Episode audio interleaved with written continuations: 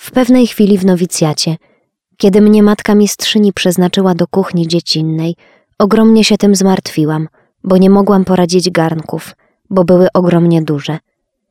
Najtrudniej mi było odlewać kartofle, czasami mi się połowę wysypało. Kiedy powiedziałam o tym matce mistrzyni, odpowiedziała mi, że się pomału przyzwyczaję i nabiorę wprawy. Jednak trudność ta nie ustępowała, ponieważ siły moje zmniejszały się z dniem każdym i wskutek braku sił odsuwałam się, kiedy przychodziło odlewanie kartofli. Jednak siostry to zauważyły, że stronię od tej pracy i ogromnie się dziwiły. Nie wiedziały o tym, że nie mogłam pomóc mimo wytężenia całej gorliwości i nieliczenia się z sobą. W południe przy rachunku sumienia skarżyłam się Bogu na brak sił. Wtem usłyszałam w duszy te słowa. Od dziś będzie ci to przychodziło z wielką łatwością. Wzmocnię twoje siły. Wieczorem, kiedy przychodzi czas odlewania kartofli, spieszę pierwsza ufna w słowa Pana. Z całą swobodą biorę garnek i całkiem dobrze odlałam. Ale kiedy zdjęłam pokrywę, żeby kartofle odparowały, ujrzałam w garnku zamiast kartofli całe pęki czerwonych róż, tak pięknych, że trudno o nich napisać. Nigdy jeszcze takich nie widziałam. Zdziwiło mnie to bardzo, nie rozumiejąc ich znaczenia, ale w tej chwili usłyszałam głos w duszy. Taką ciężką twoją pracę zamieniam na bukiety najpiękniejszych kwiatów, a woń ich wznosi się do tronu mojego. Od tej chwili nie tylko starałam się w swoim tygodniu, który miałam wyznaczony, gotowania, odlewać te kartofle, ale starałam się w tygodniu innych sióstr wyręczać je w tej pracy.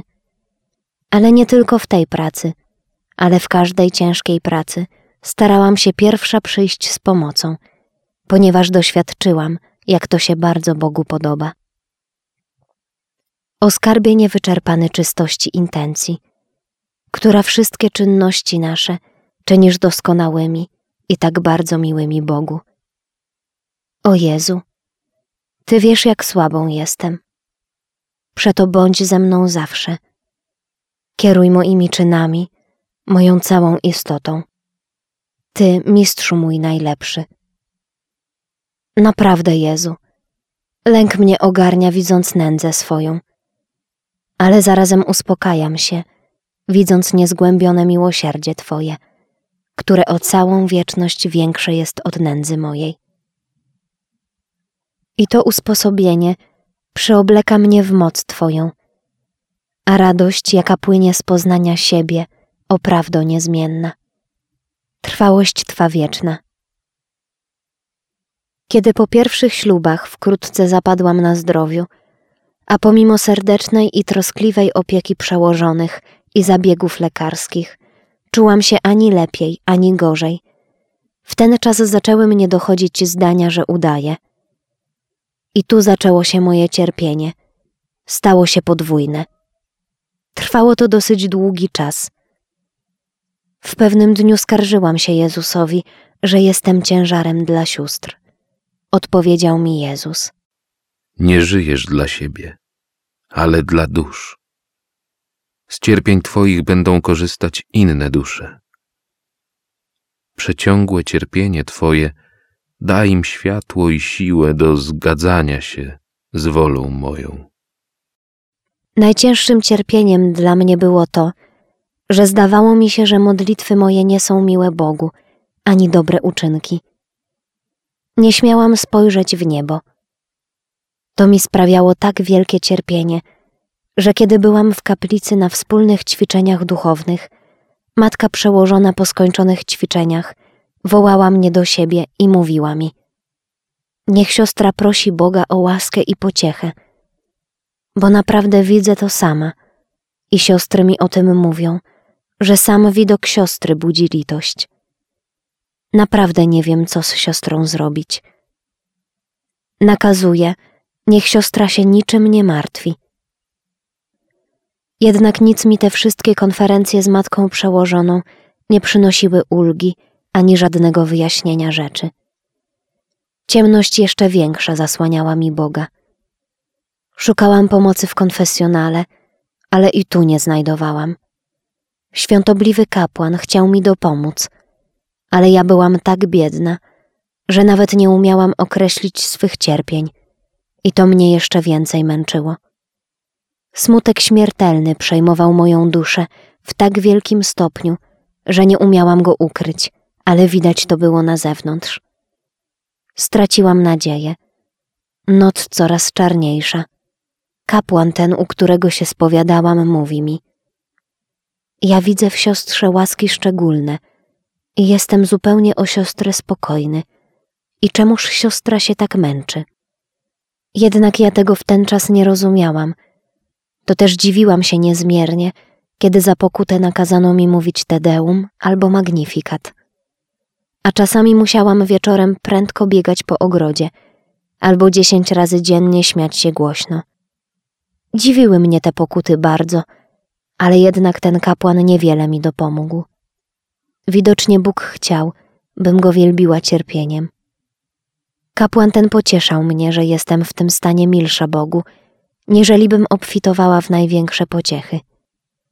Co to za wielka łaska Boża, że siostra w tym stanie obecnym udręczeń duszy nie obraża Boga, ale stara się ćwiczyć w cnotach.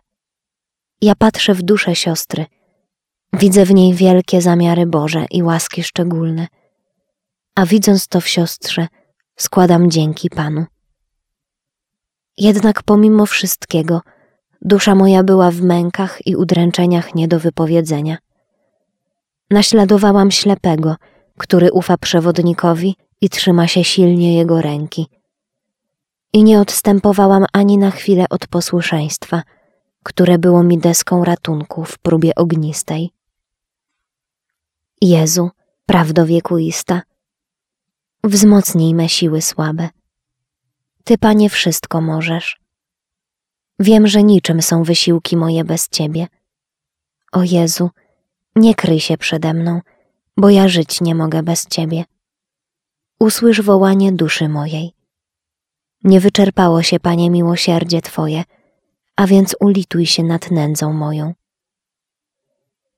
Miłosierdzie Twoje przechodzi umysł aniołów i ludzi razem.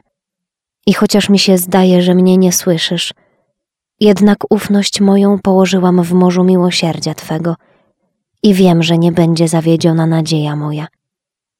Jezus tylko wie, jak ciężko i trudno spełniać obowiązki, kiedy dusza jest w takim stanie udręk wewnętrznych. Siły fizyczne są zmniejszone, a umysł przyćmiony. W cichości serca powtarzałam sobie: O Chryste, dla Ciebie rozkosze i cześć i chwała, a dla mnie cierpienie. Nie opóźnię ani jednego kroku w pochodzie za Tobą, chociaż ciernie ranią stopy moje. Kiedy byłam wysłana na kurację do domu płockiego, miałam szczęście ubierać kaplicę kwiatami. Było to na białej. Siostra Tekla nie zawsze miała czas, a więc często sama ubierałam kapliczkę. W pewnym dniu nazrywałam najpiękniejszych róż, aby ubrać pokój pewnej osobie. Kiedy się zbliżyłam do ganku, ujrzałam Pana Jezusa stojącego w tym ganku, który mnie zapytał łaskawie: Córko moja, komu niesiesz te kwiaty?